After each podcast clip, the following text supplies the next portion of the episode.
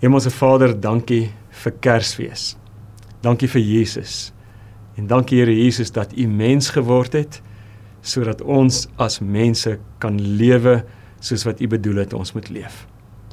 Dankie vir hierdie Kersseisoen waarin ons uh, rustiger kan wees, waarin ons fees kan vier saam met familie en vriende of op ons eie saam met U kan fees vier oor die groot en die wonderlike ding wat op Kersdag gebeur het. Dankie Here Jesus dat U U ereplek in die hemel prysgegee het en dat U mens geword het. Ons wil dit vier en ons wil in verwondering daaroor wees. En as ons vandag uit die Bybel uit lees, Here, dan is dit ons begeerte dat U daardeur met ons sal praat. Dat U vir ons 'n bietjie beter sal laat verstaan wie U is en wie ons is in verhouding met U. Ons bid dit in Jesus se naam. Amen. Ons lees saam uit uh, Lukas en ons lees uit Lukas 1 vanaf vers 26 tot by vers 38. Dis die engelse aankondiging aan Maria dat Jesus gebore gaan word. Ek lees daar vers 26. In die 6ste maand van Elisabeth se swangerskap het God die engel Gabriël gestuur na 'n maagd in Nasaret, dis 'n dorp in Galilea. Sy was verloof aan Josef, 'n man uit die geslag van Dawid. Die naam van die maagd was Maria. Toe die engel by haar kom, sê hy: "Ek groet jou, begenadigde. Die Here is by jou."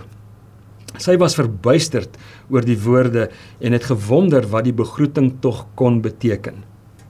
Die engel sê toe vir haar: "Moenie bang wees nie, Maria, want God bewys genade aan jou.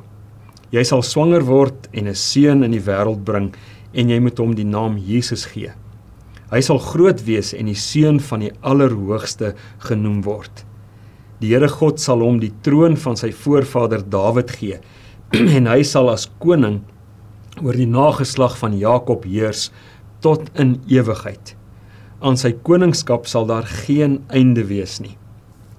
Maar Maria sê vir die engel: "Hoe is so iets moontlik, aangesien ek nog nooit omgang met 'n man gehad het nie?" Die engel antwoord haar: Die Heilige Gees sal oor jou kom en die krag van die Allerhoogste sal die lewe in jou wek. Daarom sal die een wat gebore word heilig genoem word, die seun van God. Kyk, 'n bloedverwant van jou, Elisabet, het in haar ouderdom self ook 'n seun ontvang. En sy wat as onvrugbaar bekend was, is nou al in haar 6ste maand. En hierdie belangrike woorde, niks is vir God onmoontlik nie. Maria sê toe: Ek is tot beskikking van die Here. Laat met my gebeur wat u gesê het. En toe die engel van haar af weggegaan. Ons hoor baie keer dat mense sê Kersfees is the season to be jolly. En natuurlik is dit waar. Natuurlik is daar baie in die Kersseisoen en in die Kerstyd waaroor ons kan vrolik en bly wees. Maar ons moet in die proses nie vergeet dat daar iets dieper is in die Kerstyd nie. En dit is Kerstyd is nie net 'n tyd om vrolik te wees nie, maar Kerstyd is veral 'n tyd van verwondering en 'n tyd van aanbidding. Ons het hier in vers 26 gelees en dit is belangrik om dit raak te sien dat daar staan God het die engel Gabriël gestuur om Jesus se geboorte te gaan aankondig.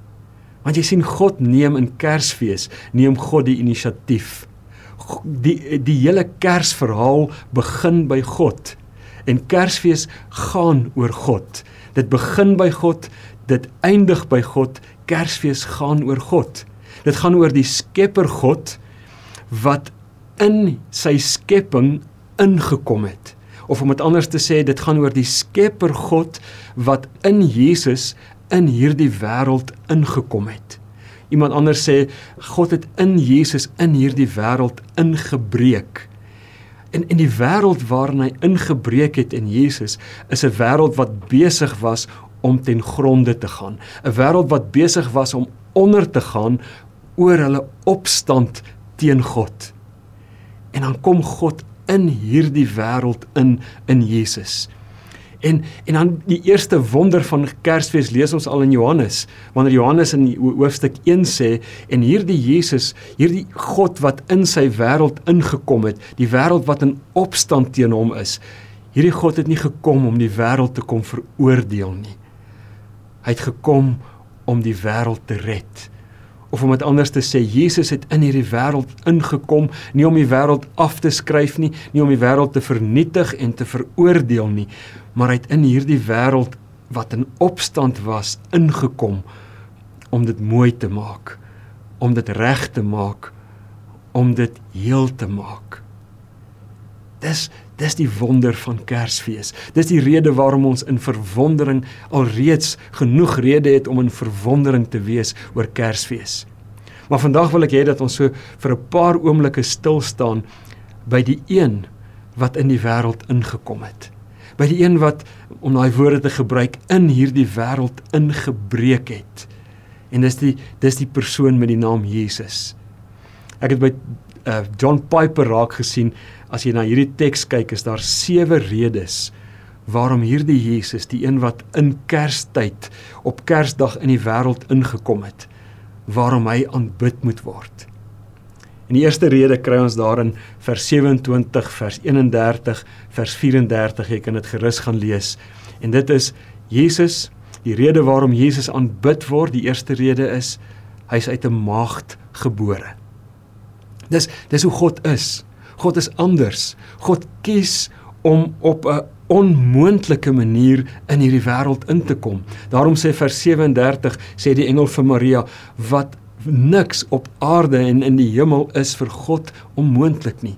God kies om op 'n wonderbaarlike manier een met ons mense te kom word.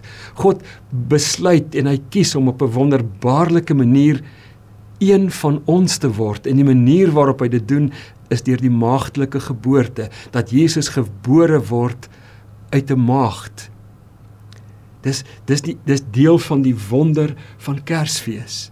God kom nie en hy daag skielik op op met 'n met 'n 'n wa van vuur daag hy op skielik nie. Nee, hy kies om uit 'n maagd gebore te word met 'n baba lyfie. En ek dink ek dink een van die redes waarom God kies om uit 'n maagd gebore te word met 'n baba lyfie is dis hoe God is. Hy het ons so lief dat hy wil voel hoe voel dit om mens te wees. Dat hy dat ons dat hy kon voel die die seer en die en die pyn wat baie keer met menswees gepaard gaan. So die eerste rede waarom Jesus aanbid moet word is hy's uit 'n maagd gebore en daarom is daar niemand meer mens as Jesus nie. Die tweede rede kry ons in vers 32 en vers 35 en dit is die rede waarom Jesus aanbid moet word is hy's die seun van God. God kies om Jesus van deur 'n maagd gebore te laat word want hy wou baie seker maak dat daar geen onduidelikheid is oor wie die wie Jesus se vader is nie. Hy wou hê dat almal moet weet en almal wat dit lees moet verstaan dat sy sy vaderskap uniek is. Dat daar nie 'n ander vaderskap soos Jesus se vaderskap is nie. Hy is die seun van God. Hy wil seker maak dat ons verstaan dat Jesus nie 'n aardse vader het nie. Hy's nie die seun van 'n aardse vader nie. In sy menswees is hy die seun van Maria. Maar in sy godheid is hy die seun van God. Die unieke sê Johannes vir ons ook, die unieke seun van God. Ons aanbid Jesus want hy is die seun van God. Daar is niemand wat meer God is as Jesus nie. En dan die derde rede eh, kry ons in vers 32. Ons aanbid Jesus want hy is koning. Hy is hy is koning soos geen ander koning nie.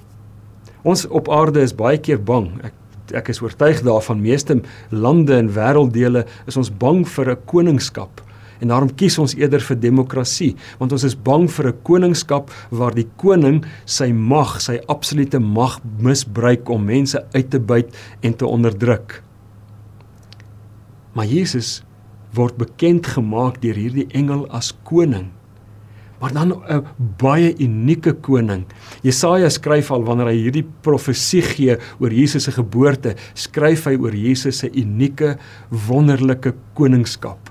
Dan Jesaja 9 vers 5 tot 6 staan daar 'n seun is gebore, aan ons is 'n seun gegee en dan hierdie hierdie belofte. Hy sal heers en hy sal genoem word wonderbare raadsman magtige God ewige Vader en hierdie mooi woord vredevors sy heerskappy sal uitbrei en hy sal vir altyd vrede en voorspoed bring. Ek slaan so ek slaan so 'n stukkie oor dan staan daar hy sal die koninkryk vestig en in stand hou deur reg en geregtigheid van nou af en vir altyd wat wat hierdie gedeelte vir ons sê is Jesus se koningskap. Jesus se mag is onbeperk.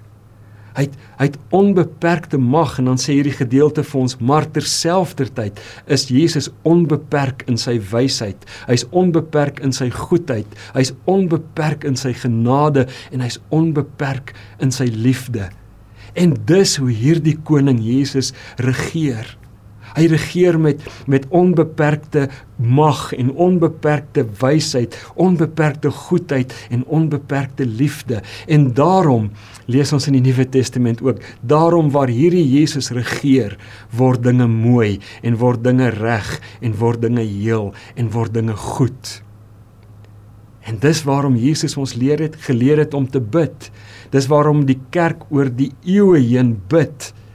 Laat u koninkryk kom. Here Jesus, laat u koninkryk, u koningskap aanbreek hier op die aarde soos wat dit in die hemel is.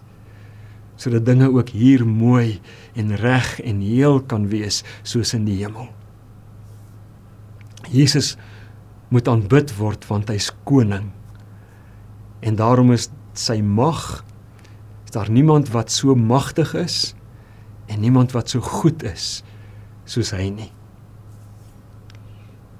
Die volgende ding wat hier staan oor die rede waarom Jesus aanbid moet word is vers 33.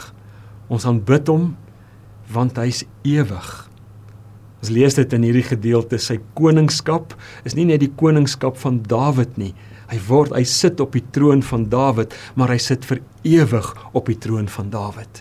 Met ander woorde, as al die magtigste heersers en al die magtigste konings op aarde, die Hitlers en die Nero's en die Augustinusse en en al die Augustusse en al die magtigste konings van die wêreld as hulle al vergete is, dan sit Jesus nog as magtige goeie koning op die troon. Hy's 'n koning vir altyd. Iemand het mooi gesê, he literally outlast his enemies.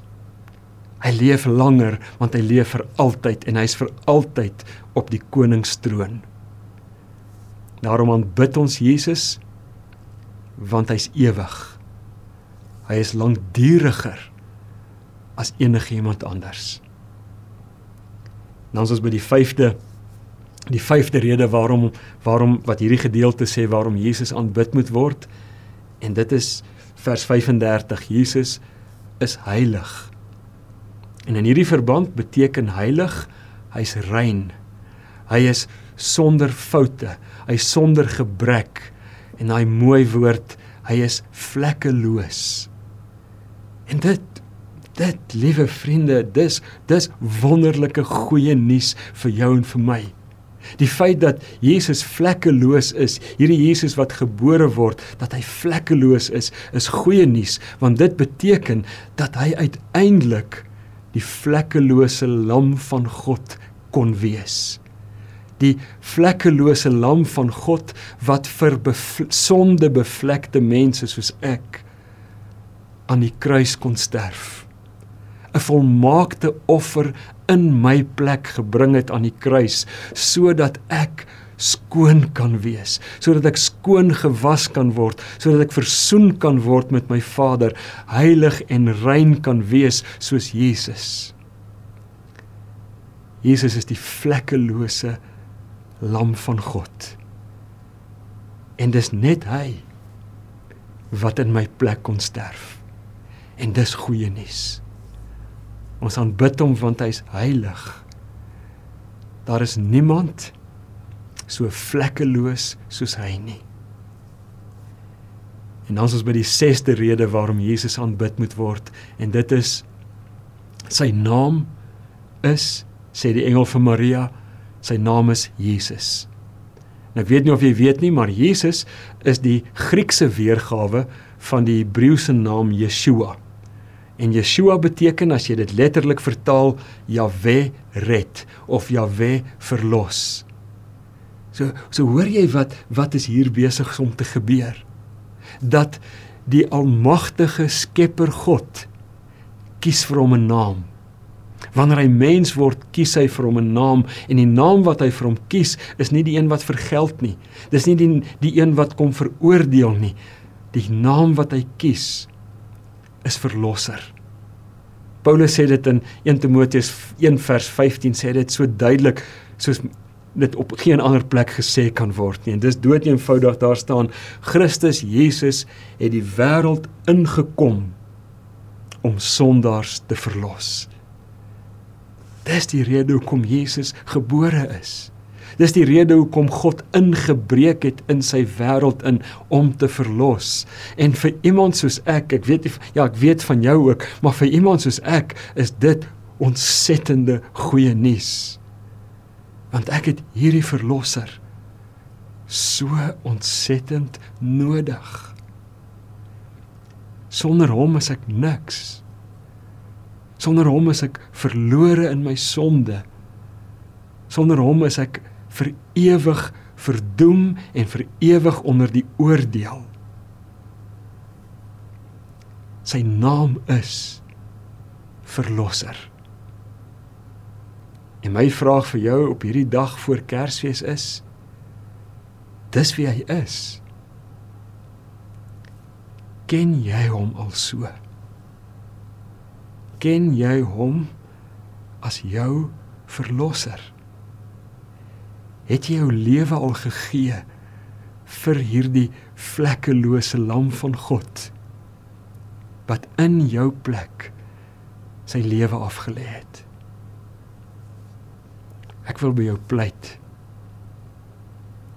Wil jy nie hierdie die laaste Kersfees maak sonder die verlosser Jesus in jou lewe nie? Gee jou lewe vir hom nooi hom in. Hy het gekom om jou te verlos. En dan as ek by die sewende ding en dis die laaste laaste rede en gaan dit baie kort sê en dit is vers 32 sê hierdie Jesus wat kom, hierdie kind wat gebore gaan word, sal groot wees. Die engel sê hy sal great wees. So die sewende rede waarom ons Jesus aanbid is hy sal groot wees. Daar's niemand wat daarom meer werd is, meer waardig is om aanbid te word nie. Met Kersfees en dis die goeie nuus van Kersfees, dis die wonder van Kersfees. Met Kersfees het God die almagtige God in Jesus in ons wêreld ingekom. In hierdie wêreld wat stikkend is, hierdie wêreld wat swaar kry, hierdie wêreld wat kreun onder sy eie opstandigheid teenoor God. Met Kersfees het God in Jesus in hierdie wêreld ingekom en hy het in jou en hy wil in jou en my lewens inkom. En met Kersfees vier ons vier ons fees oor die een wat in die wêreld ingekom het. Met Kersfees vier ons fees dat daar letterlik in die heelal niemand soos Jesus is nie. Niemand so volledig mens nie. Niemand so volledig God nie. Niemand so magtig en goed nie. Niemand so lankdurig nie. Niemand so vlekkeloos nie niemand so nodig en niemand so waardig om aanbid te word nie. Mag jy in hierdie Kersfees aangegryp word deur Jesus se uniekheid. Mag dit jou in verwondering bring en mag jy vanuit hierdie verwondering Jesus aanbid. Want daar is niemand soos hy nie. Amen. Here Jesus, ons aanbid U want daar is niemand soos U nie. Niemand meer mens nie. As niemand meer God as U nie. Daar's niemand meer magtig en goed as U nie. Daar's niemand wat so lank leef en so lank duurig is soos U nie. Daar's niemand so vlekkeloos soos U nie. Daar's niemand so nodig soos U nie. En daar's niemand so waardig soos U nie. Daarom aanbid ons U. Amen.